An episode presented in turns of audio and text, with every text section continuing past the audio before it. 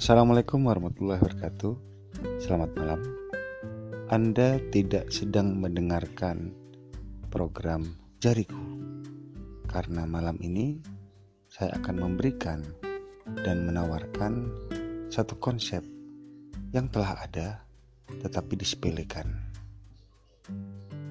Konsep tersebut adalah bagaimana membuat kita dapat memiliki kreativitas dan inovasi yang sangat tinggi sekali. Pernahkah saudara bertanya, dalam diri saudara sendiri, sudah berapa banyak tayangan-tayangan konten-konten dari YouTube ataupun program-program kreativitas lainnya yang ditawarkan di media sosial dan internet. Sekali lagi, Tanya pada diri saudara sendiri, sudah berapa banyak konten dari media sosial dan YouTube yang telah Anda tonton. Setelah itu, tanyakan kembali pada diri Anda, sudah berapa banyak konten yang telah saudara buat? Konten dalam artian konten tersebut memiliki nilai edukasi. Bukan hanya sekedar foto, video dalam kehidupan sehari-hari Anda untuk dijadikan sebagai kenangan. Atau video yang hanya ingin menunjukkan eksistensi kita atau keberadaan kita bahwa kita ada. Saat ini saya ingin menawarkan agar saudara mendownload aplikasi Anchor. Mendownload aplikasi Anchor. Kemudian saudara bisa melakukan inovasi dan kreativitas dari aplikasi tersebut. Aplikasi tersebut menyediakan seperti yang saya lakukan saat ini. Di mana saja, kapan saja, tanpa alat yang canggih, hanya Android yang saudara pegang, handphone yang saudara pegang. Jadi, kalau saat ini Anda mendengarkan program ini, audio ini dengan menggunakan handphone Android Anda, maka sebenarnya Anda sudah bisa membuat konten-konten seperti yang saya buat. Sudah bukan zamannya lagi kita menjadi penikmat konten. Tetapi saat ini zamannya adalah kita menjadi kreator dari konten-konten kita sendiri. Pencipta dari konten-konten kita sendiri. Lantas apa yang mesti dilakukan dalam membuat konten? Apa saja? Selama konten Anda memiliki nilai edukasi, baik itu tutorial, penjelasan, baik penjelasan materi, ataupun misalnya Anda ingin membuat sebuah audiobook, boleh. Ataupun Anda melakukan sebuah rekaman perkuliahan, boleh. Apa saja, selama itu memiliki nilai edukasi. Nantinya, antara Anda bersama dengan teman Anda yang telah membuat konten-konten semacam ini, Anda bisa saling sharing bagaimana cara membuat konten yang lebih memiliki nilai edukasi yang tinggi, utamanya edukasi dalam bidang hukum, ilmu hukum. Kegiatan ini dapat menimbulkan, menstimulus tukar tambah pikiran saudara bersama teman-teman apa yang ditukar tambah? Informasi. Yang paling utama adalah informasi yang memiliki nilai edukasi yang tinggi. Utamanya, sekali lagi, edukasi dalam bidang ilmu hukum. Dengan adanya konten-konten seperti ini, dengan adanya audio-audio seperti ini, maka kita tidak perlu lagi melototin buku. Karena dan melototin buku, banyak alat-alat yang kita butuhkan. Jika pada malam hari kita membutuhkan lampu, kita juga membutuhkan benda konkretnya, yaitu buku, dan kita harus membacanya. Tapi dengan audio ini, cukup kita mendengarkan, tidak melakukan apa-apa selain mendengarkan. Ini adalah bentuk edukasi yang paling mudah dan paling ringan untuk dilakukan. Paling mudah dan paling ringan untuk dilakukan. Cobalah Anda bertanya pada diri Anda sendiri. Dalam satu minggu ini, sudah berapa buku yang saudara baca? Atau dalam satu bulan ini, sudah berapa buku yang saudara baca? Atau dalam satu tahun ini, sudah berapa buku yang saudara baca? Jika dalam satu bulan tidak ada satupun buku yang saudara baca, bertanyalah lagi pada diri Anda sendiri, sudah berapa banyak konten yang saudara dengarkan dan saudara lihat? Maka, audio adalah salah satu bentuk edukasi yang paling ringan dan paling sederhana. Walaupun buku sangat penting sekali, tetapi tingkat baca dari mahasiswa atau dari pelajar sangat rendah sekali. Dengan majunya zaman, berkembangnya teknologi internet membuat kita semakin boleh dibilang memiliki tingkat sensi yang rendah terhadap materi atau membaca buku. Terbalik, kita semakin tinggi dalam mendengarkan atau melihat sesuatu konten selain buku. Sama-sama mendapatkan informasi. Hanya informasi buku, buku yang sama bisa memiliki makna yang berbeda bagi orang yang membacanya. Buku yang sama dengan dua pembaca, dia bisa memiliki makna yang berbeda, imajinasi yang berbeda. Berbeda lagi jika misalnya dengan hanya mendengarkan audio ini. Audio ringan ini akan sangat membantu saudara dan bahkan jika saudara telah membuat audio seperti ini, saudara bisa dengarkan suara Anda sendiri. Saudara bisa belajar dengan mendengarkan suara Anda sendiri. Begitu ringannya konsep belajar saat ini sangat ringan dengan adanya audio. Maka sekali lagi, segeralah download aplikasi Anchor. Aplikasi Anchor di Google Play Store. Kemudian Anda tinggal menjalankan saja apa-apa yang ada di sana. Anda tinggal sentuh-sentuh saja, buka-buka saja semua menu-menu yang ada di Anchor untuk belajar cara menggunakannya. Sangat gampang sekali, sangat sederhana sekali, dan Anda bisa saling membantu terjadi tukar tambah pikiran antara teman yang satu dengan teman yang lainnya. Termasuk dengan saya pun juga akan belajar dari Anda. Ingat, saat ini adalah zaman kreatif, zaman milenial.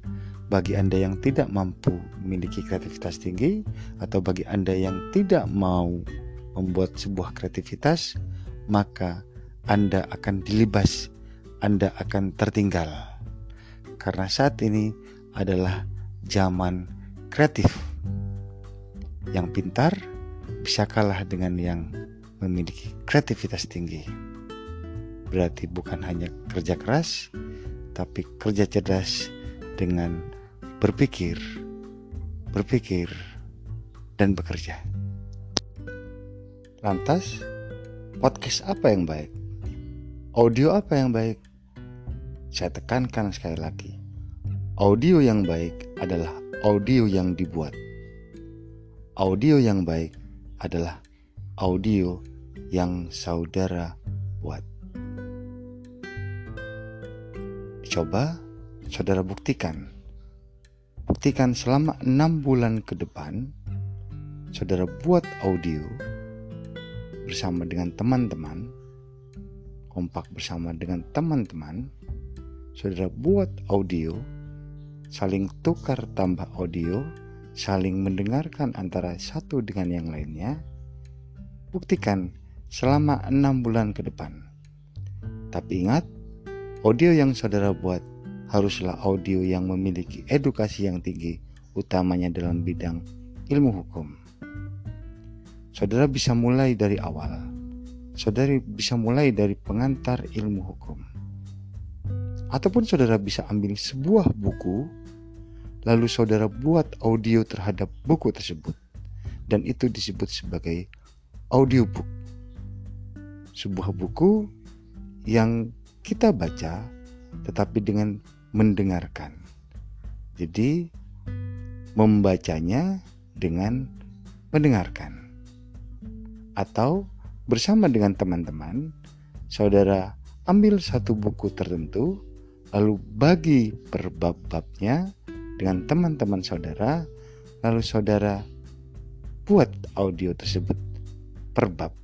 Masing-masing teman per bab. Kemudian saling mendengarkan antara satu dengan yang lainnya.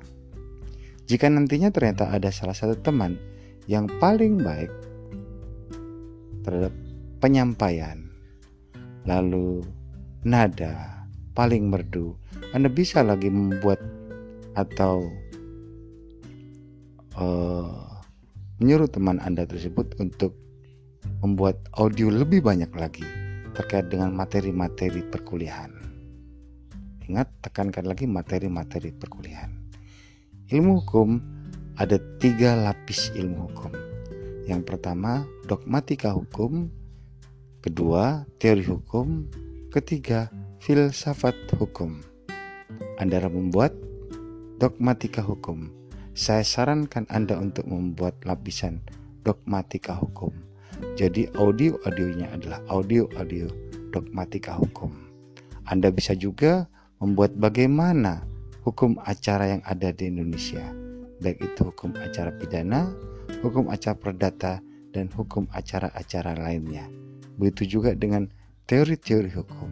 Sederhana, contoh misalnya jika misalnya kita mendengar kata hukum positif. Hukum positif. Lantas apakah ada hukum negatif? Sekali lagi, jika ada hukum positif, apakah ada hukum negatif? Jawabannya tidak ada. Positif yang dimaksud pada hukum positif bukanlah lawan dari negatif. Karena positif dia berasal dari kata Yunani yaitu poinera. Arti dari poinera adalah ditetapkan. Mengapa muncul kata poinera? Ternyata kata poinera atau ditetapkan adalah kata untuk membedakan dengan nilai-nilai ketuhanan dan nilai-nilai hukum alam yang sifatnya abstrak dan tidak nyata. Jadi, kata poinera atau ditetapkan untuk membedakan dengan hukum-hukum Tuhan dan hukum-hukum alam yang nilainya abstrak dan tidak nyata bagi manusia. Dengan adanya hukum yang ditetapkan, maka hukum-hukum tersebut memiliki sifat konkret terhadap manusia, baik itu sanksi ataupun hal-hal pengaturan konkret lainnya terhadap kehidupan manusia. Kata poinera tersebut diambil oleh Romawi. Kemudian oleh Romawi disebut sebagai ius positum. Istilah poinera tersebut oleh Romawi disebut sebagai istilah ius positum. Ius artinya adalah hukum. Positum artinya adalah ditetapkan ius positum adalah hukum yang ditetapkan. Kemudian konsep hukum Eropa kontinental ini berpengaruh terhadap konsep Indonesia yang dibawa oleh Belanda ke Indonesia dengan menggunakan asas konkordansi, yaitu suatu hukum yang berlaku di suatu negara akan berlaku pula di negara jajahannya. Dengan asas tersebut, maka hukum-hukum Belanda berlaku pula di Netherlands Indies. Karena pada waktu itu negara ini masih bernama Netherlands Indies. Lantas setelah tahun 1945 muncullah sebuah negara bernama Indonesia. Agar tidak terjadi kekosongan hukum, agar tidak terjadi kekosongan hukum, maka pasal 1 aturan peralihan Undang-Undang Dasar 1945 di sana menyampaikan bahwa undang-undang yang lama tetap digunakan selama tidak ada perubahan terhadapnya. Maka hukum-hukum negeri Belanda pun tetap digunakan di Indonesia. Utamanya adalah tiga undang-undang pokok, yaitu Kitab Undang-Undang Hukum Pidana, Kitab Undang-Undang Hukum Perdata, dan Kitab Undang-Undang Hukum Dagang yang sampai hari ini pun masih tetap berlaku di Indonesia, walaupun ada beberapa perubahan terhadapnya, baik itu pengurangan terhadap tiga undang-undang pokok tersebut. Nah, nilai-nilai contoh seperti inilah yang mestinya saudara buat dan menjadi bagian dari informasi edukasi bagi kita semua. Bahkan nantinya saya pun akan belajar terhadap audio-audio yang telah saudara buat. Ingat, audio yang baik adalah audio yang dibuat. Audio yang baik adalah audio yang dibuat mengalir saja dalam membuatnya. Tidak perlu sebuah konsep-konsep yang baik atau konsep-konsep yang profesional. Mengalir saja. Walaupun salah, nanti akan ada koreksi dari satu teman terhadap teman yang lainnya. Karena semakin Anda membuat kesalahan dalam audio ini, maka semakin saudara akan menjadi belajar terkait dengan apa yang saudara bicarakan. Demikian, semoga terinspirasi. Sekali lagi, download aplikasi Anchor di Play Store. Download aplikasi di Play Store, yaitu aplikasi Anchor. Saya bukan sales Anchor, saya bukan pekerja Anchor, tetapi aplikasi ini sangat membantu kita dalam melakukan edukasi yang sangat ringan, yaitu hanya mendengarkan informasi yang dibuat oleh masing-masing dari kita. Ingat, hanya mendengarkan informasi masing-masing yang dibuat oleh kita. Informasi itu adalah informasi edukasi tentang ilmu hukum. Download aplikasi dan buatlah buatlah audio-audio yang menarik bagi Anda. Buatlah audio-audio yang menarik bagi Anda. Terima kasih. Wassalamualaikum warahmatullahi wabarakatuh.